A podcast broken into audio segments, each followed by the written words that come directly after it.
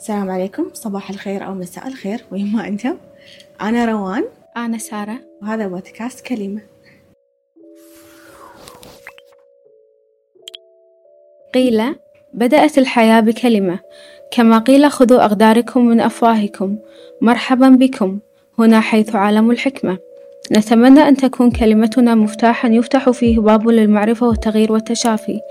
برنامج كلمة هو برنامج اجتماعي منوع نتطرق فيه إلى المشكلات أو الاضطرابات النفسية كما نناقش من خلاله قضايا حياتية مجتمعية ونسلط الضوء فيه على الأسباب والآثار. وأخيرا نحاول توجيهكم نحو الحلول المناسبة والتي تتماشى مع كل منكم. نحاول بدورنا أن تكون كلمة هي البوصلة نحو التغيير من الداخل والمساعدة في الوصول إلى السلام النفسي. اليوم روان راح نتكلم عن العنف الأسري. إيه يعني اليوم موضوعنا إحنا اخترنا موضوع حيل دسم. إيه.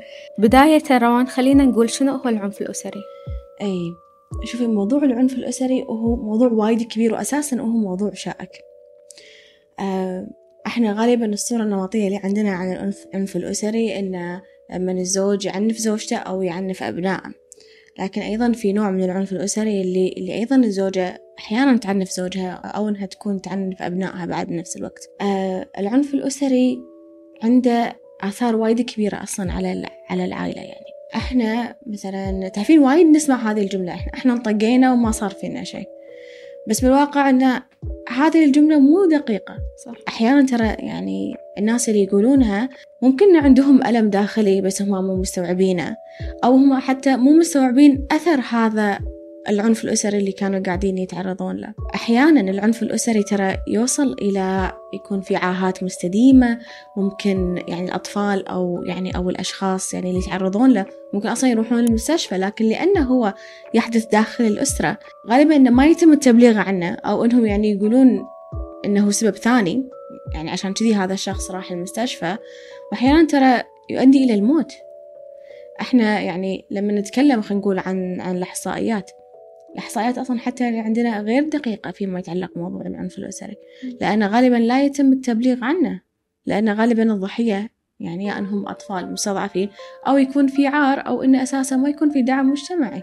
عشان شي هي مشكلة كبيرة. يعني حتى مثلا يقول لك أي إحصائية عندنا عن العنف الأسري دبليها ثلاث مرات.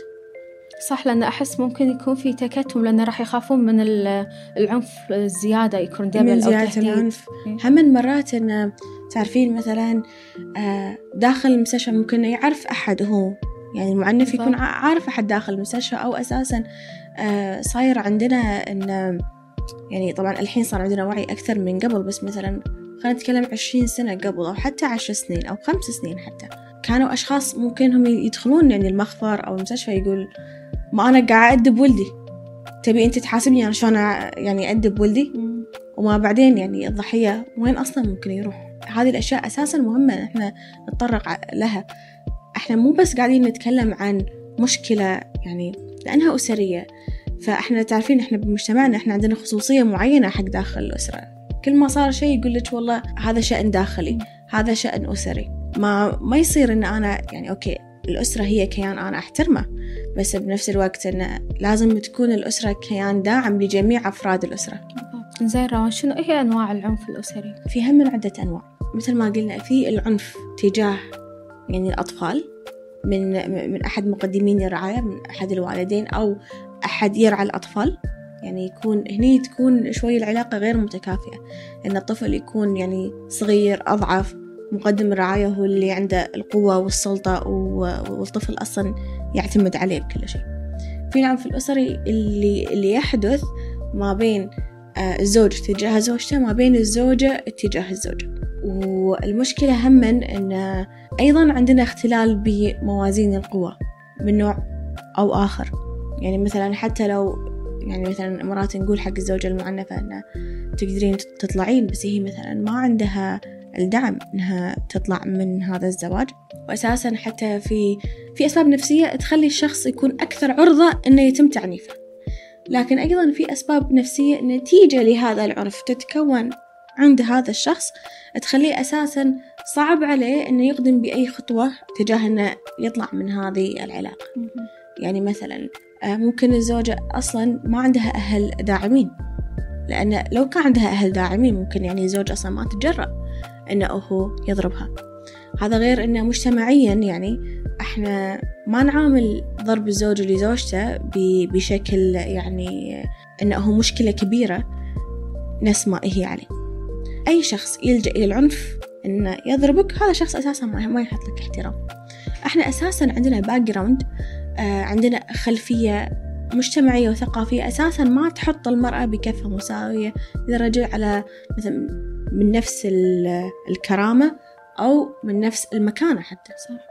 فبالتالي أساسا يعني إحنا اوريدي يعني من البداية داشين بوضع غير متكافئ بعدين لما نتكلم عن العنف الأسري اللي من الأهل تجاه الأبناء هذا شيء يخلق بيئة صعبة حق الأبناء لأن أنت من وأنت صغير أنت يتم انتهاكك يعني انتهاك جسدك لأن الجسد هو أحد الحدود.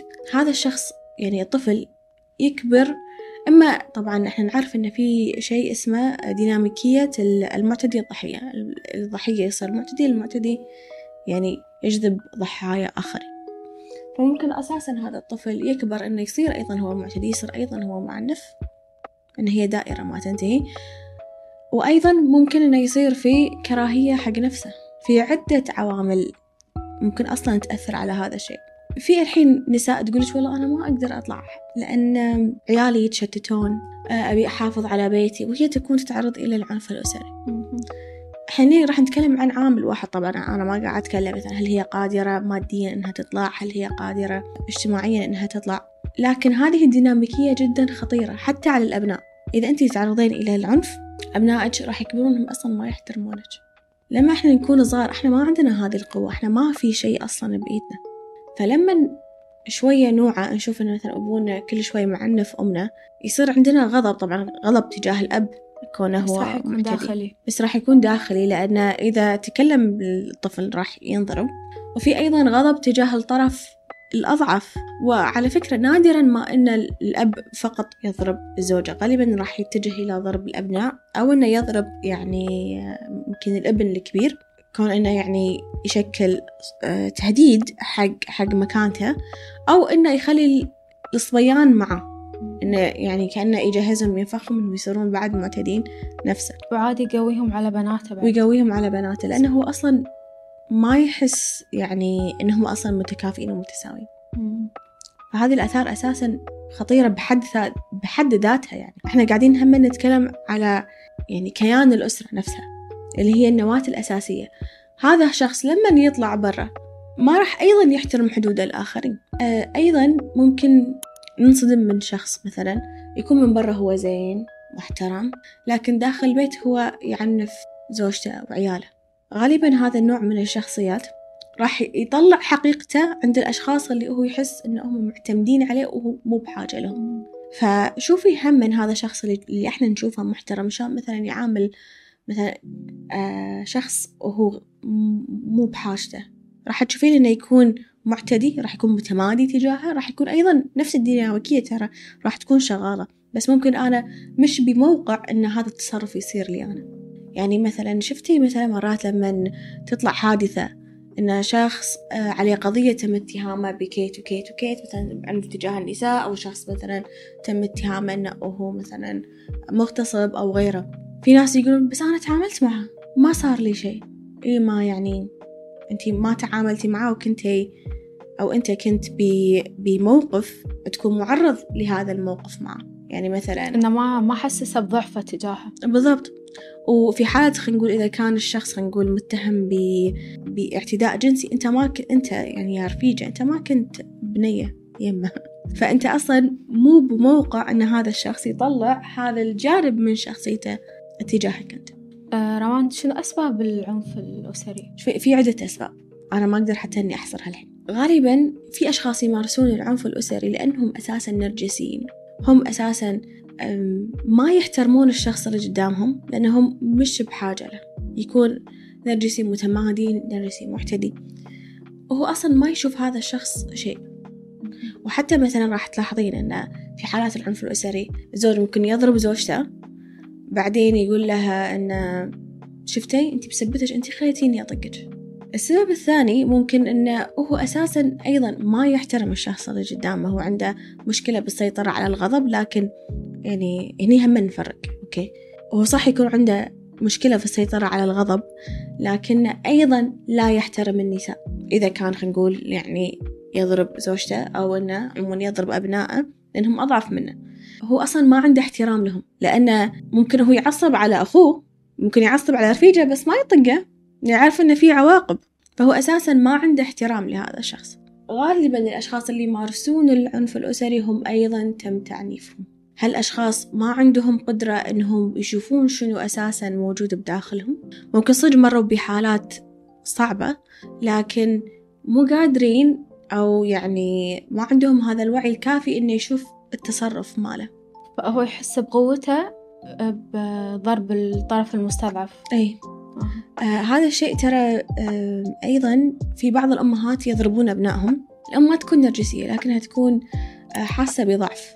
مرة سمعت إحدى الأمهات كانت تقول إن أنا أضرب ولدي لأنه هو فاشل لأنه بالنسبة لي أنا أحس إن أنا فاشلة. في جملة قال لي إياها شخص آه، مع أنه هو أصلا مو معالج ولا شيء يعني.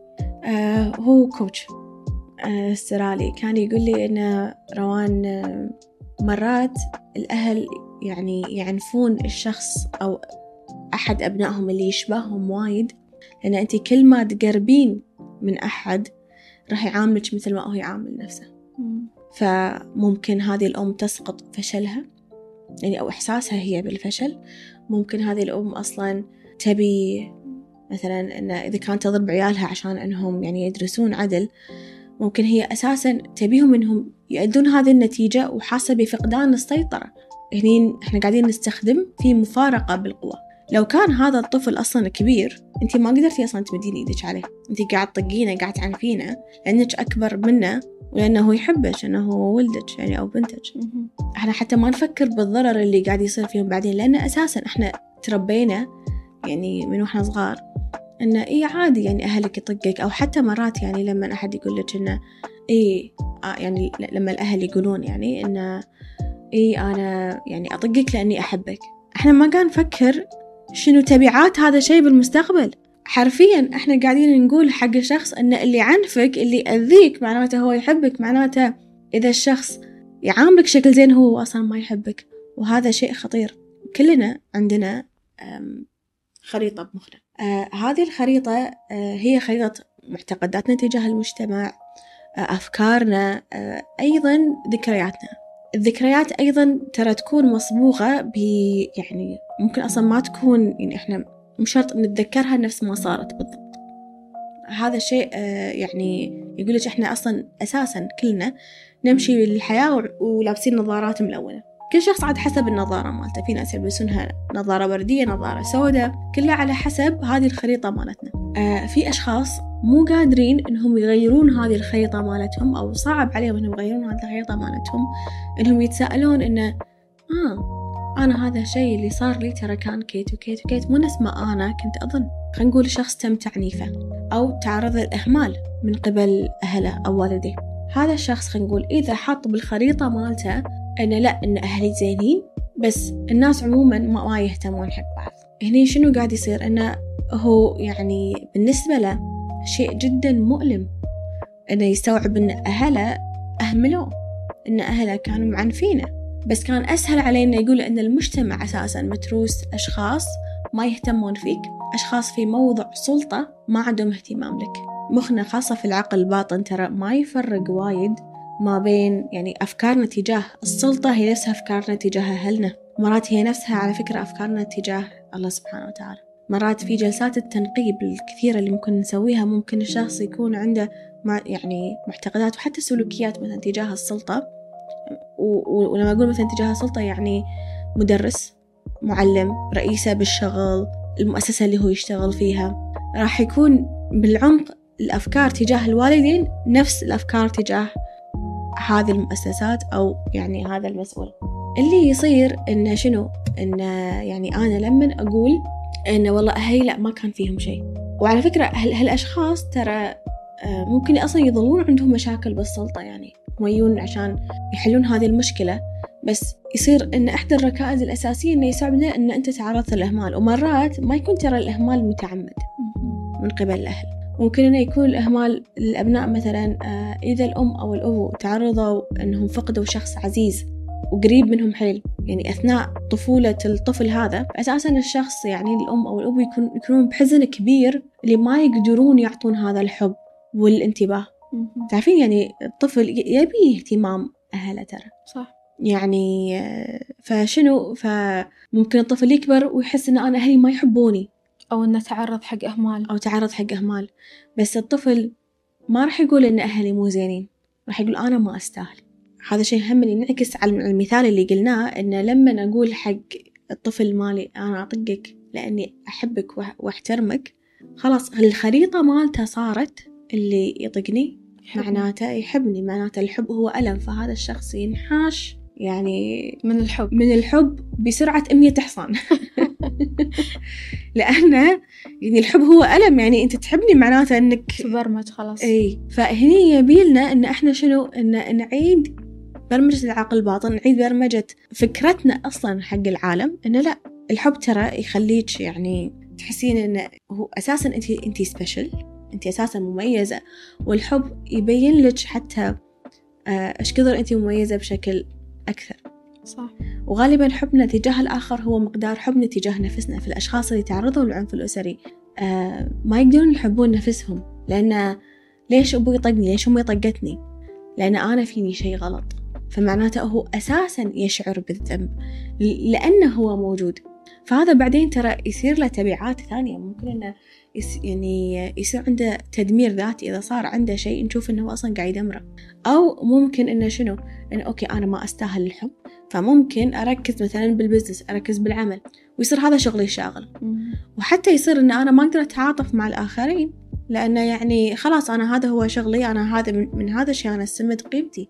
كل ما صار عندي سلطة أكثر كل ما صار عندي مال أكثر أنا محمي من إن أحد يتسلط علي ويأذيني. هذه الأفكار ترى والسلوكيات إحنا ما نستوعبها إلا لما نقعد مع نفسنا نشوف شنو عالمنا الداخلي. مرات روان حتى الواحد لما يقعد مع نفسه هو راح يخاف إنه يواجه الحقيقة عشان لا يطلع من منطقة الراحة. أي بالضبط. وحتى يعني يعني شو أقول لك إن كلنا عندنا منطقة راحة. وحتى على فكرة حتى لما نشتغل عليها يعني حتى لو أنا نقول اشتغلت إن أنا أخرج من منطقة الراحة أنا ما خرجت وايد أنا بس وسعتها. بس هي ترى دائما موجودة.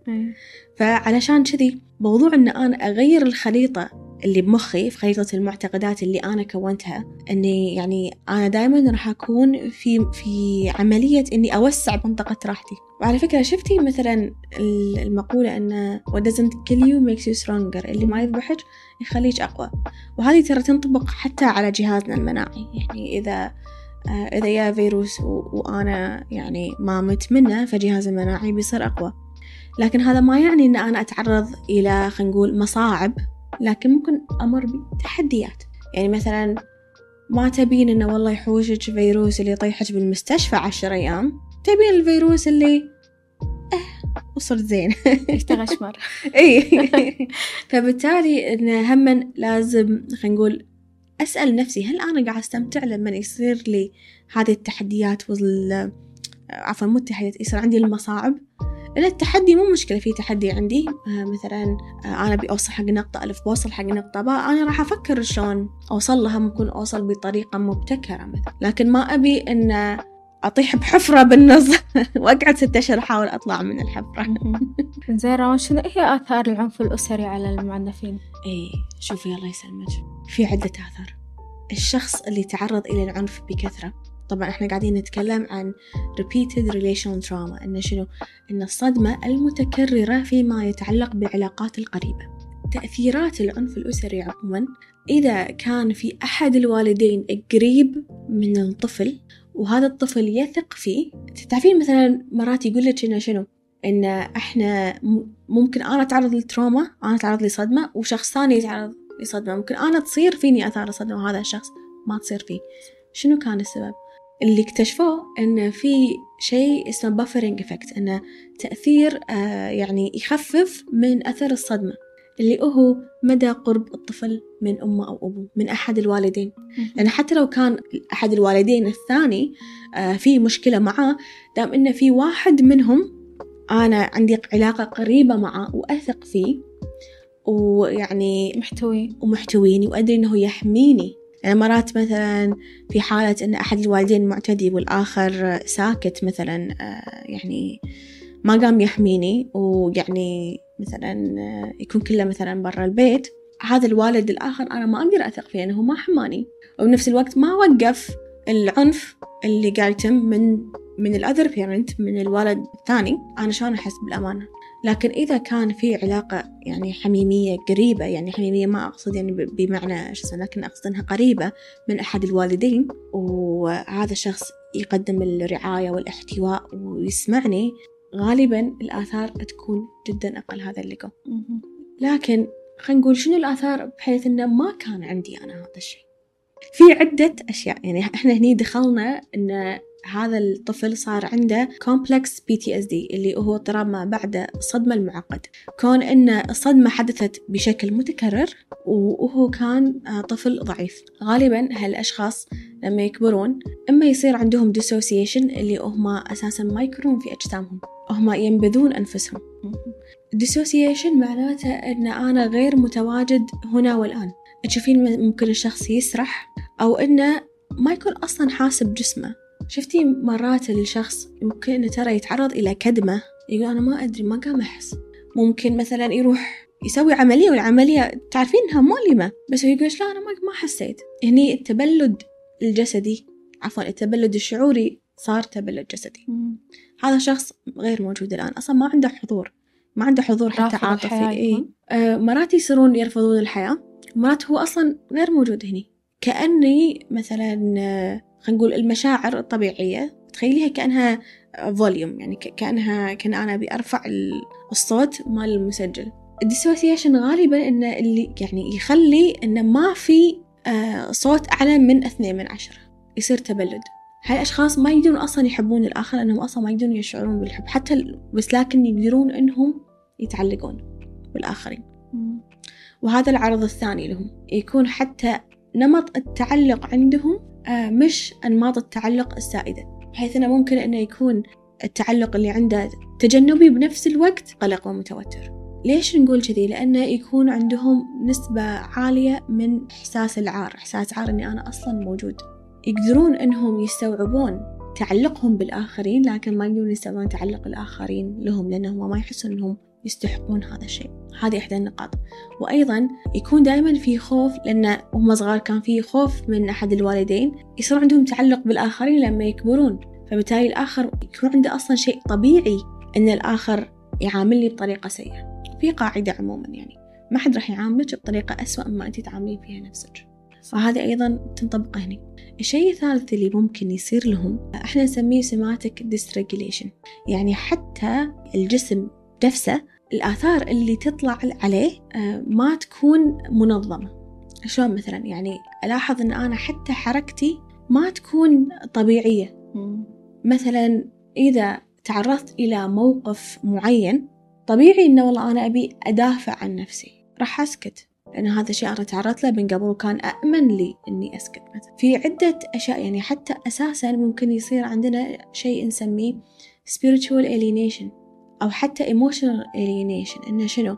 أنا يصير عندي إن المشاعر خطر إني أصلا أحس فيها. مجرد إن عندي أي شعور هو خطر. ويصير عندنا هم المشكلة بالconflict resolution. إنه شلون أنا ممكن يعني إذا عندي خلينا نقول مواجهة لازم أواجهها لازم أحط حدود مع الآخرين أنا راح أخاف فعلا راح أخاف. حتى لو أحد تعدى علي راح ممكن أقول إنه ها راح أحط مليون عذر عشان إنه ما أقول له يا فلان ترى هذا التصرف أنا ما عجبني. لأن شنو كان يصير لما هذا الطفل وهو صغير كان يقول حق أهله أنا ما كنت أبي هذا الشيء يصير راح يطقونه زيادة. وهذه الآثار على فكرة يعني طبعا أنا ذكرتهم كذي بس إحنا خلينا نقول لو ناخذهم شلون بالحياة عموما.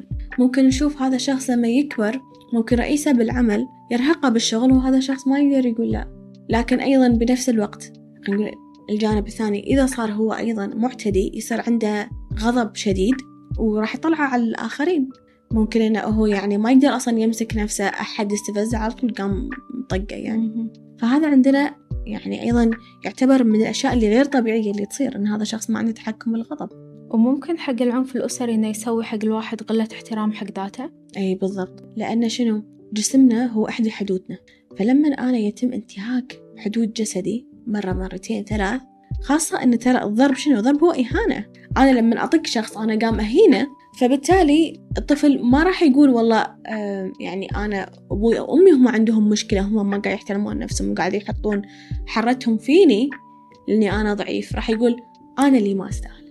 فأي شيء جيد يصير له بالحياة مرات إذا راح حق حق طريق إنه هو يعني ما يحس ب آه، باحترام حق ذاته آه، طبعا ممكن إنه أصلا ما يحس بشيء وعلى طول يصير شخص غاضب وبس يبي إنه يعني آه، يتفاعل مع الآخرين بغضب لكن بالطرف الأول آه، ممكن فعلا إن هذا الشخص لأنه ما عنده احترام حق ذاته راح يسمح الآخرين إنهم يهينونه أيضا في المستقبل لأن هذا شيء طبيعي. آه، ممكن ترى على فكرة ممكن أصلا يستغرب إذا أحد عامله باحترام لأنها لحظة العقل الباطن يبي يحمينا دايما فيروح حق شنو الشيء اللي مألوف.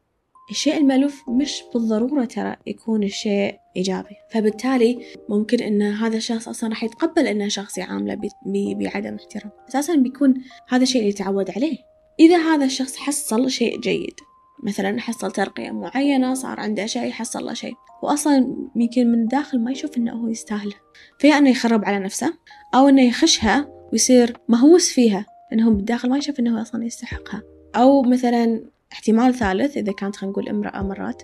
إحنا هذا الشيء هم نشوفه مثلا. واحدة تكون مثلا مكسورة مهزومة ممكن هي أصلا ما تشوف هذا الشيء بنفسها. خلينا نقول مثلا تقدم لها شخص جيد وحصلت عليه. إنها تزوجت شخص جيد.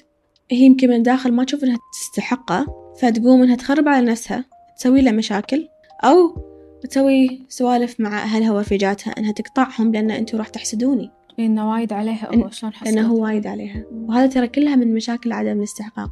طبعا عدم الاستحقاق مو شرط يجي من العنف يعني خلينا نقول من العنف الجسدي لكن ممكن ترى يجي من العنف النفسي. يعني إذا أحد والديها دايما إنه آه، يعني يغلط عليها بالكلام آه، أو إنه يعني أيضا لما أحد يغلط عليك بالكلام فهو أيضا قاعد ينتهك حدودك فمو شرط إنه يكون العنف ضرب. ممكن يكون أيضا من ناحية كلام وتعنيف. أيضا ممكن المجتمع مثلا دائما إنه يمارس عليك نوع من أنواع العنف من ناحية إنه دائما يقولك أنتي مرة ليش أصلا تطلبين وايد.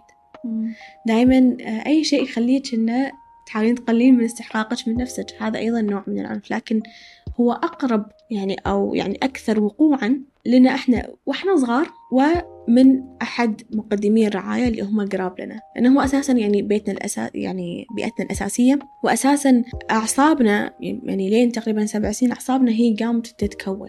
فهي في مرحلة التكوين نفسها. فأنا يعني يقولك العلم في الصغر كالنقش على الحجر. حتى الإساءات في الصغر مرات تكون كالنقش على الحجر. مو شرط إن هذا الشيء إنه يظل دائم. في شغلة اللي هي neural plasticity انه شنو؟ القابلية للجهاز العصبي يعيد ترتيب نفسه من أول وجديد حتى ما بعد الصدمة. في صدمات لما الشخص أصلا يتشافى منها يصير عندنا شيء اسمه post traumatic growth اللي هو النمو ما بعد الصدمة وهذا شيء أصلا أيضا بعد ممكن.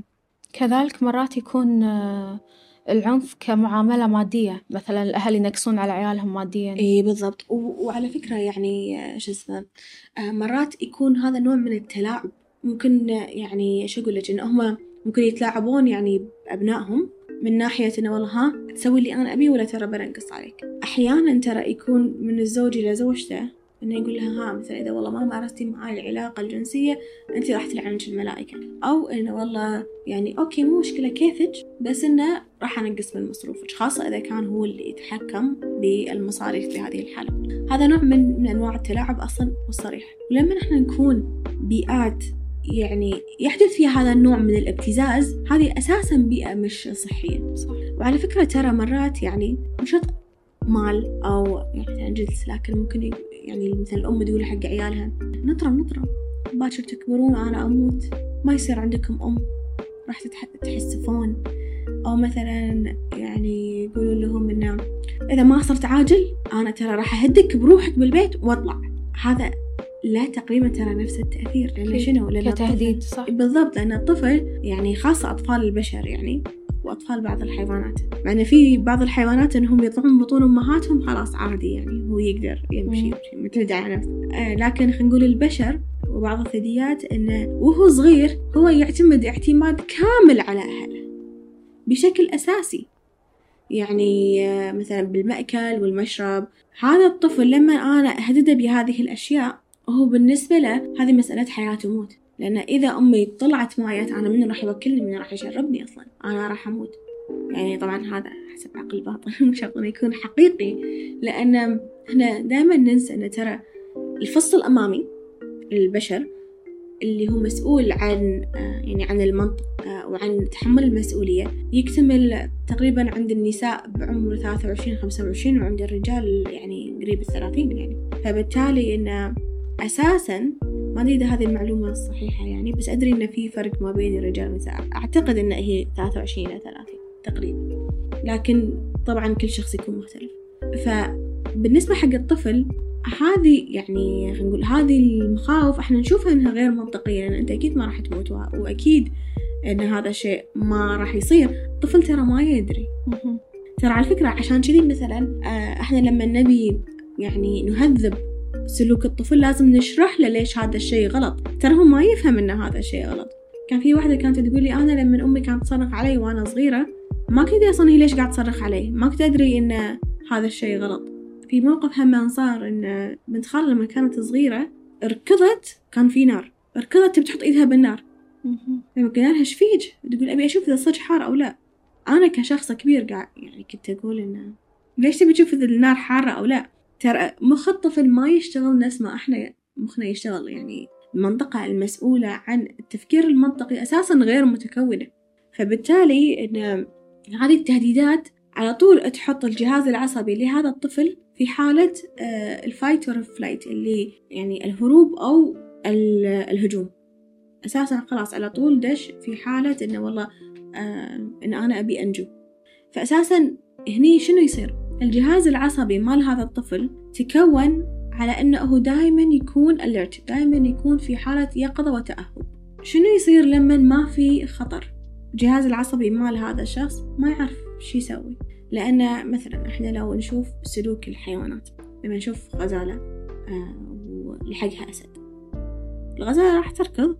وإذا نجت من الأسد خلاص مشى. راح نشوف إنها يعني تتنافض. إنها وترد حياتها طبيعية هذه عملية إنها تتنافض وتطلع الطاقة الزايدة هذه جدا مهمة حق الجهاز العصبي. هذه تأشر حق الجهاز العصبي إنه أنا خلصت مرحلة الخطر أنا رحت حق مرح- مرحلة ال- الس- السن أو المرحلة العادية. سبحان الله. إيه فالجهاز العصبي يحتاج شيء إنه يعرف أوكي أنا يعني تعرفين بالجهاز العصبي عندنا الجهاز السمبثاوي والباراسمبثاوي. السمبثاوي اللي هو مسؤول عن التأهب الدفاع الهجوم أو النحشة. آه، والباراسمبثاوي هو اللي يهدي هو اللي يعني الحالة الطبيعية. آه، الأشخاص اللي يكونوا عايشين في بيئات مضطربة اللي يتعرضون لعنف أسري بشكل مستمر اللي عاشوا في بيئة أحد الوالدين معتدي سواء معتدي لفظي معتدي جسدي آه، الصراخ الزايد. هالأشخاص الجهاز السمبثاوي مالهم أساسا هو دايما شغال. وهرمون الكورتيزول هرمون القلق أصلا دايما عالي. حتى فحتى بعدين تشوفين إنهم يعانون من أمراض عديدة جسدية ترى سببها بس إن هرمون القلق أساسا حيل عالي. إنه يدشون ينزل. إيه. بموجة اضطرابات قلق واكتئاب. بالضبط. ما يعرفون أصلا شلون يعيشون بطريقة طبيعية. فشنو اللي يصير؟ إن لأن الخطر أساسا ما راح من البيت. فالجهاز الباراسمبثاوي اللي ينزل اللي اللي يعني يهبط ما عمره يمكن اشتغل. يعني هذا الشخص دائما في حالة قلق و...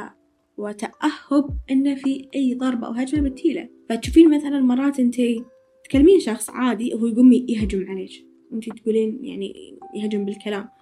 أنت يصير فيك إنه okay ما سويت شيء. اي صح. بس انه إحنا ما نعرف هذا الشخص شنو مر فيه. فهالشيء ممكن يأثر على العلاقات مع الآخرين؟ آه، مية بالمية. آه، يعني تخيلي يعني شنو ممكن يكون هذا الشخص؟ إذا خلينا نقول راح حق علاقات مع الآخرين آه، ممكن أصلا يختار شخص ضعيف إنه يكون شريك له. شخص ما ما يأثر عليه وما ما يكون عليه سلطة. يعني إي يعني سلطة. ممكن أصلا هو يعني بشكل لا واعي راح يعيد نفس الديناميكية اللي اللي عاش فيها لأنه مألوفة.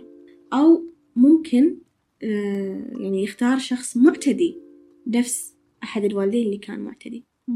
لما تدخلين علاقة مع أحد وتبينه إنه يكون أبو أبنائك أو يعني إذا كان رجل إنها تكون أم أبنائه ضروري إنه يكون عندهم القدرة على إنهم يسوون شيء اسمه emotional regulation إنه هو آه، يقدر إنه آه، يعني إنه يتحكم بمشاعره ويعرف شلون آه، يكون مسؤول عن مشاعره. ما أقصد إنه والله كلش هذا الشخص ما يعصب أو ما ينهار أو ما يصير عنده stress لكنه قادر على الأقل مع نفسه إنه هو يتعامل مع مشاعره وعنده الأدوات اللازمة. وفي حالة الأشخاص اللي تعرضوا للعنف الأسري هذا الشيء راح يجي بعد therapy بعد علاج نفسي علاج سلوكي علاج مثلا ممكن طاقي ممكن علاج من من أحد طرق العلاج ال- والتشافي المختلفة. علشان يصير عنده هذه القدرة. لأن شنو يصير عندنا؟ راح نوصل لمرحلة لازم نكون حق نفسنا الأهل اللي أهلنا ما قدروا إنهم يكونون فيه. ومثل ما قلت لك مرات الأهل ما يقدرون مو لأنهم أشخاص سيئين إنه هذا النمط اللي شافوه طبعا في أهل هم سيئين بس أقصد مرات إنه يعني هذا النمط هم اللي شافوه هم أيضا ما كان عندهم الأدوات. هم ممكن أصلا تعرضوا إلى الكثير من الحزن أو كثير من الغضب أو كثير من صدمة معينة يعني. وإحنا بالكويت يعني أي أحد أي طفل انولد بعد الغزو أهله غالبا كانوا يعني خلينا نقول طفل انولد بالكويت كانوا أهله يعني آه، شاهدين الغزو سواء هم بالكويت أو راحوا دول ثانية. هذا أيضا تروما هذا أيضا صدمة. فبالتالي إحنا ما نستغرب إن عندنا جيل كامل يعني طبعا في أهل كانوا واعين. كانوا واعيين وفي في أهل يعني كان يعني هذا المتوفر. فبالتالي يعني كنت وايد أسمع إن نقول خاصة شفتي وايد الحين انه يعني تحلطون أنتو جيل ما بعد الغزو أنتو مو متربين أنتو زين منو منو اللي كان يسوي التربية؟ والله يعني منو اللي كان يقوم بالتربية؟ وأيضا لما إحنا نشوف ك... كتاريخ يعني ك... كحالة الشعوب أصلا okay؟ إحنا عندنا أهل أساسا already عندهم صدمة معينة تعرضوا لها إنه بليلة وضحاها صار ما عندهم ديرة. هذا الشيء يخلي أساسا هرمون الكورتيزول هرمون القلق أصلا صاعد وترى تقولون والله التحرير خلص أنتوا جيتوا بعدين بس إنه لا هذا الشيء ترى ما ينتهي إلا لما أنا يعني أحس فعلا بالأمان. و- وإحنا هني يعني أنا ما أعتقد إن طبعا في أشخاص يشعرون بالأمان بس في أشخاص لا ما يشعرون بالأمان. وتقولين إنه معقول؟ إن إحنا الحين صار لنا عن الغزو يمكن أربعة وثلاثين ثلاثة وثلاثين سنة. شلون الآثار الحين موجودة؟ ما هي أساسا آثار أي صدمة يواجهها مجتمع معين إحنا علشان نستوعب هذه الصدمة ونبلش إن إحنا نسوي أي نوع من التشافي أو آه يعني إن إحنا نشوف الآثار غالبا أصلا يبينا حوالي ثلاثين سنة أو أكثر عشان إحنا نبلش هذه العملية. لأن الصدمة كانت على على شكل يعني مجتمع ودولة. نفس الشيء ترى موضوع كورونا لكن موضوع كورونا إنه مثلا صح إنه ما شفنا فيه أسلحة وكذي. لكن أيضا شيء سبب لنا رعب ك... كمجتمع إيه. نفسيا نفسيا اختربت راحت بالضبط. ف... فإحنا ترى يعني يمكن ما نستوعب هذه الآثار آثار هذا القلق إلا يعني يمكن ترى توه ممكن كانت حرب نفسية أنا أتوقع يعني شيء بالضبط طبيعي. يعني لأنه يعني كمجتمع صار عندنا حالة هلع ورعب. و... وكل شخص يقول كذي يعني. ف... وحتى الأشخاص اللي إحنا كنا نعتبرهم آه، محل ثقة خسرنا ثقتنا فيهم بشكل أو بآخر. نفس الشيء ترى مثلا لك إن إحنا آه، نفقد ثقتنا بمصادر السلطة كان نفس الشيء. لكن أنا فعليا ما أعتقد إنه كان في حل آخر لأن ما حد كان يدري إيش قاعد يصير. بالضبط. فعلشان كذي. زين روان شلون الضحايا يتعاملون مع آثار النفسية اللي تسببها العنف الأسري؟ إيه أوكي. السؤال وايد حلو. إذا أنا استوعبت إن أنا كنت ضحية عنف أسري في عدة خطوات أقدر أسويها. طبعا أنا أنصح إن الشخص يروح حق معالج نفسي سواء أخصائي نفسي شخص يثق فيه عشان إنه يحل معاه هذا الشيء. يعني هني هو, يحتاج دعم لأنه غالبا لما تعرض إلى العنف الأسري كان يحس بالوحدة. أن هذا الشيء ممكن يعني يخليك تحس إنه ما في أحد نفسك عانى نفس هذه المعاناة. في سؤال كنت يعني حتى سألته حق أستاذتي اللي درسني يعني في برنامج يوغا صدمات. أو اليوغا الحساسة للصدمات الاسم الرسمي اللي هي تي سي تي اس واي اللي هي Trauma Center Trauma Sensitive Yoga اللي هي مركز الصدمة اليوغا الحساسة للصدمات طريقة علمية مثبتة علميا وفيها دراسات علمية إنها تعيد الجهاز العصبي آه إلى مو قلت لك إنه إحنا يكون دائما جهاز السمبثاوي دائما شغال.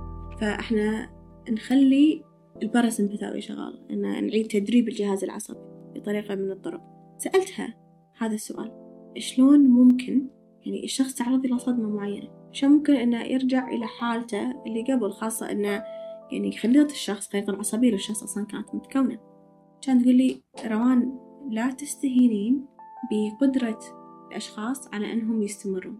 اللي يصير غالبا أنه بعد ما الشخص أنه يشاف في هذه الصدمة يعني شوي شوي تتكون روابط عصبية ثانية. ويعني راح يصير في نمو للشخص. طبعا راح يكون عنده تأهب عنده ترقب أكثر من الشخص العادي لكن يصير في نمو للشخص بحيث إنه أصلا يكون يعني يمارس حياته بشكل حتى أفضل. سألتها سؤال ثاني قلت لها هل كون الشخص واعي إنه هو تعرض إلى إهمال أو عنف أسري يأثر بالآثار ملوته؟ بين شخص إنه ما كان يدري يعني أو إنه يعني من النوع اللي يقولك إحنا طنقينا وما صار فينا شيء. هل الآثار تكون نفسها أو تتغير؟ عشان تقولي أنا غالبا ترى راح تكون نفسها لكن هو ما يكون واعي لها الشخص اللي أساسا ينكر معاناته هو أصلا ينكر هذه الأعراض. لكن أنت تقدرين تشوفينها تكون واضحة جدا. فعلا هذا الشخص يقدر إنه يعني أنصح بالجورنالينج إنه يبلش إنه يكتب مشاعره خاصة تجاه هذه الحقبة اللي, اللي عاشها يعني ويبدأ شوي شوي إنه يفكك شنو أفكاره كانت؟ شنو الأفكار اللي هو صار لها يعني الأفكار اللي صارت له اللي تكونت في داخله نتيجة للعنف اللي تعرض له نتيجة أفكار تجاه المجتمع تجاه أهله تجاه تكوين الأسرة أصلا نفسها بس أنا فعلا أنصح أنه يكون هذا الشيء مع شخص آخر أو مع مجموعة تقدم له الدعم. لأن إحساس العار اللي نحس فيه اللي يكون غالبا موجود في في هذه الحالة من العنف الأسري يخلينا وحيدين. فشوي شوي نحتاج إنه نطلع من دائرة الوحدة ونعرف إنه في عندنا دعم. والمفروض يكون في حماية مجتمعية يعني الواحد ما يخاف إنه يحاول إنه يحمي نفسه. صح. أنا قريت في قانون جديد طالع عندنا إن الحين في خطوط ساخنة وفيها خصوصية تامة. هذا بالكويت؟ بالكويت تو قانون جديد. إي. فالشخص يتصل على الخط الساخن وإذا لاحظوا في خطر جسيم يهدد الحياة أو خطر جسدي جسيم. يطلعون المعنف يعزلونه بمكان اللي عن اللي معنف الشخص هذا هو يتكفل بالأجار وما يتواصلون معاه إنه يوقعوا تحت مسؤولية وكذي. والعقوبة حق الشخص إنه يمارس مهن حرفية إصلاحية سواء الجنائز أو مع وزارة الأشغال. أي. ويكون مراقب إنه هل هو ملتزم بالممارسة هذه ولا لا. أي. فحلو. وهذا فيه بالكويت؟ إي هو بالكويت. والله يعني أنا آخر شيء كنت أدري عنه إنه كان في دار إيواء وتسكرت يعني بس مم. هذا تو جديد ما كنت أدري. إي لا هذا الحين عن عن طريق مجلس مراكز إصلاحية. أي. مسوين مجلس وعن طريق النيابة العامة كذلك. لا والله هذا شيء وايد زين. وايد حلو. أظن حتى بالسعودية إن إذا واحدة قدمت بلاغ عنف هم يأخذونه بشكل يعني جدي. بشكل جدي وإذا البنية طلعت برا البيت وأهلها أدوها يعني نقول إذا كانت موظفة وعندها يعني مصدر دخل فوق عمر معين إذا حاولوا يأذونها تقدر أيضا تستخدم يعني قوة الشرطة إنه فعلا يحمونها. فهذا شيء وايد زين إنه عندنا. أي. شلون الواحد ينجو من الآثار النفسية اللي تنتج من العنف الأسري؟ إي هذا سؤال وايد زين. آه شوفي الله يسلمك. في عندنا وايد اختيارات. طبعا الاختيار الأول إن الشخص يروح عند معالج نفسي يشخص حالته. ويتابع معاه بشكل آه دائم. الشيء الثاني في شيء اسمه يوغا صدمات اللي هي التراما سنتر تراما سنسيتيف يوغا حاليا آه يعني أنا قاعدة أدرسها. هذه اسم اليوغا فيها فقط تعني حركة جسدية لكن ما فيها يعني نقول إذا شخص عنده اعتراضات على آه تاريخ اليوغا أو غيره يعني ما فيها هذا الشيء. لكن الهدف من هذه الممارسة إن إحنا نعيد إن الشخص نخلي جهازه العصبي يرجع للحالة الطبيعية. مثلا لو تذكرين مثال الأسد والغزالة الغزالة اللي يعني كانت تتنافض عشان ترد حق الوضع الطبيعي. إحنا كبشر ما عندنا اختيار إن إحنا نتنافض إذا كانت الصدمة مستمرة يعني. اللي يصير نحن نفقد اتصالنا بجسدنا. يوغا صدمات يمكن لو تسوينها تقولين يعني هي ما فيها وايد حركات هي مملة تقريبا أو راح تكون مملة حق الشخص اللي عنده خلينا نقول صدمة. لكن تأثيرها قوي جدا. يبلش الشخص بعدها إنه فعلا يحس بالمشاعر داخل جسمه. طبعا مرات المشاعر اللي يحس فيها داخل جسمه ممكن ما تكون يعني ورود وفراشات راح يحس بجميع المشاعر. وهي إحدى أهم أهم الدلالات إن أنا قاعدة أعيد اتصالي بجسمي وشعوري بذاتي. المفارقة خلينا نقول إذا شخص هو الآن في علاقة يتعرض فيها للعنف مثلا واحدة زوجها نرجسي يضربها دائما دائما يعنفها. أنا ما أقدر أسوي لها يوغا صدمات لأن هي الآن مستفيدة إنها ما قامت تحس بالمشاعر داخل جسمها. متى تقدر تسوي؟ لما تطلع من هذه العلاقة وتكون في مكان آمن. لو هي حست بمشاعرها أن هي يعني يتم انتهاكها بالضرب بشكل مستمر ممكن أصلا إهانات ويعني طبعا الشخص ما راح يضرب وهو ما, ما يسب يعني. فهي تكون تعرض للإهانات.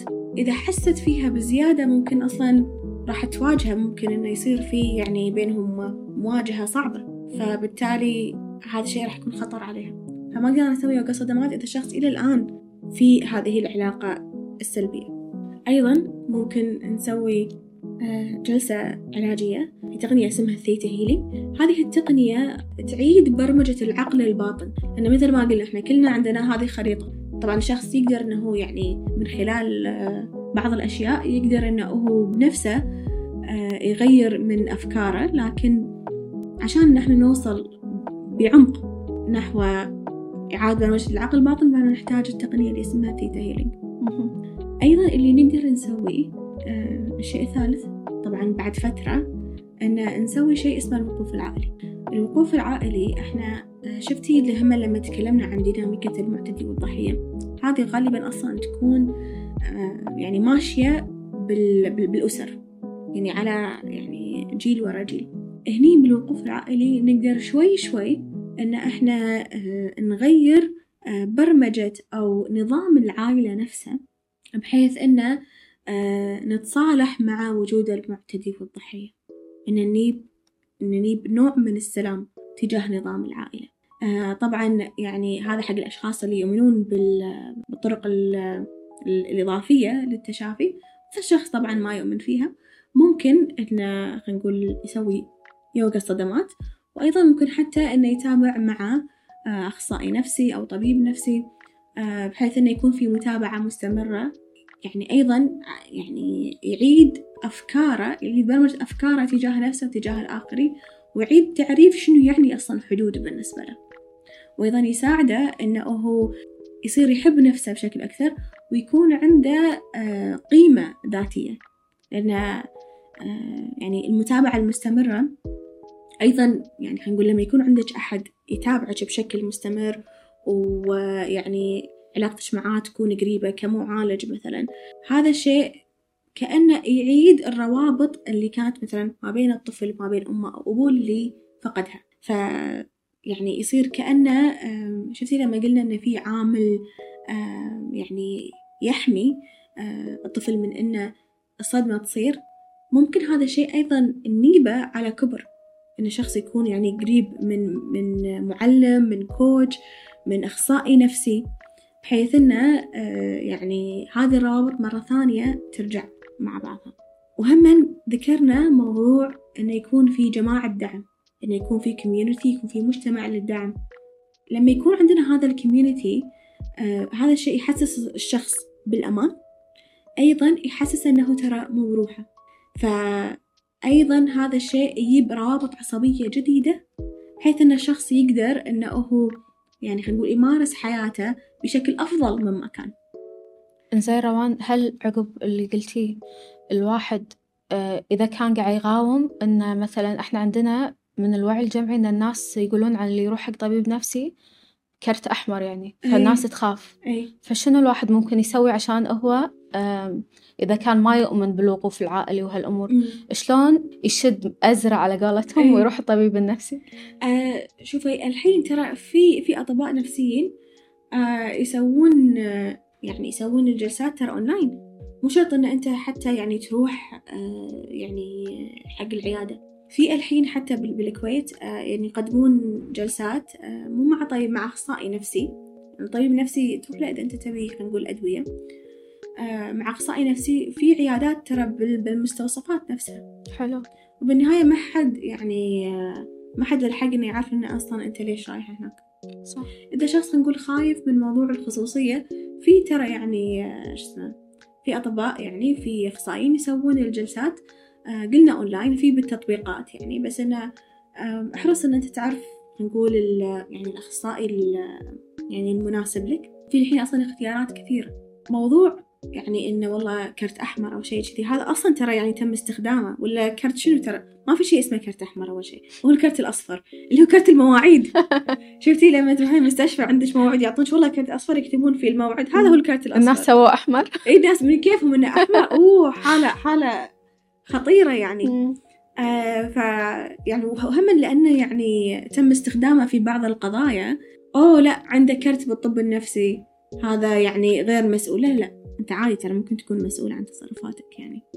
آه مو كل الأمراض النفسية تعني أن أنت آه غير مسؤول عن تصرفاتك. صح. لكن هي شيء يعني خلينا نقول تم استخدامه من من بعض الأشخاص عشان يطلعون بعض المجرمين اللي ارتكبوا بعض الأشياء. هما مثلا نقول إذا شخص يعني يبي شيء آه علمي مثبت علميا مية بالمية يعني ما في شيء مثبت مية بالمية يكون دائما أقل. فيقدر يروح قلت لك عند الأخصائيين النفسيين في اللي يسوون جلسات أونلاين وهو ببيتهم مثلا. أيضا ممكن يسوي يوغا الصدمات وهي أيضا مثبتة علميا هذا شيء يعني حتى فيها أبحاث منشورة تخص هذا الأمر. وبالنهاية يعني الاختيار موجود عند الكل. شنو نصيحتك حق الناس اللي عندهم اضطرابات قلق واكتئاب والأشخاص المعنفين؟ أول شيء إنهم يكونون أقوياء. وأنا أدري إن هذه الكلمة سهل تنقال صعب إن الشخص يطبقها. يطبقها. إن الأفكار اللي تيهم بإنهم ما يستاهلون بعدم الاستحقاق هي مش أفكار حقيقية. وإن إنهم فعلا يروحون ويكلمون أحد. يكلمون أحد ثقة مرات إحنا نمر بظروف صعبة أو خلينا نقول بالنفق المظلم لكن ترى في ليت بنهاية النفق. وأنا أدري إن هذا شيء أيضا سهل إني أقوله لكن عندنا كثير حالات فعلا قد قدروا يعيشون الحياة اللي يبونها. لكن ممكن الطريق ياخذ وقت لكن في طريق وطريق موجود. إذا الواحد يحب نفسه راح يحصل له مخرج. راح يحصل. شكرا روان. مشكورة سارة. استمتعنا معك حبيبتي. أي والله. يعطيك العافية. نشوفكم. في حلقة ثانية.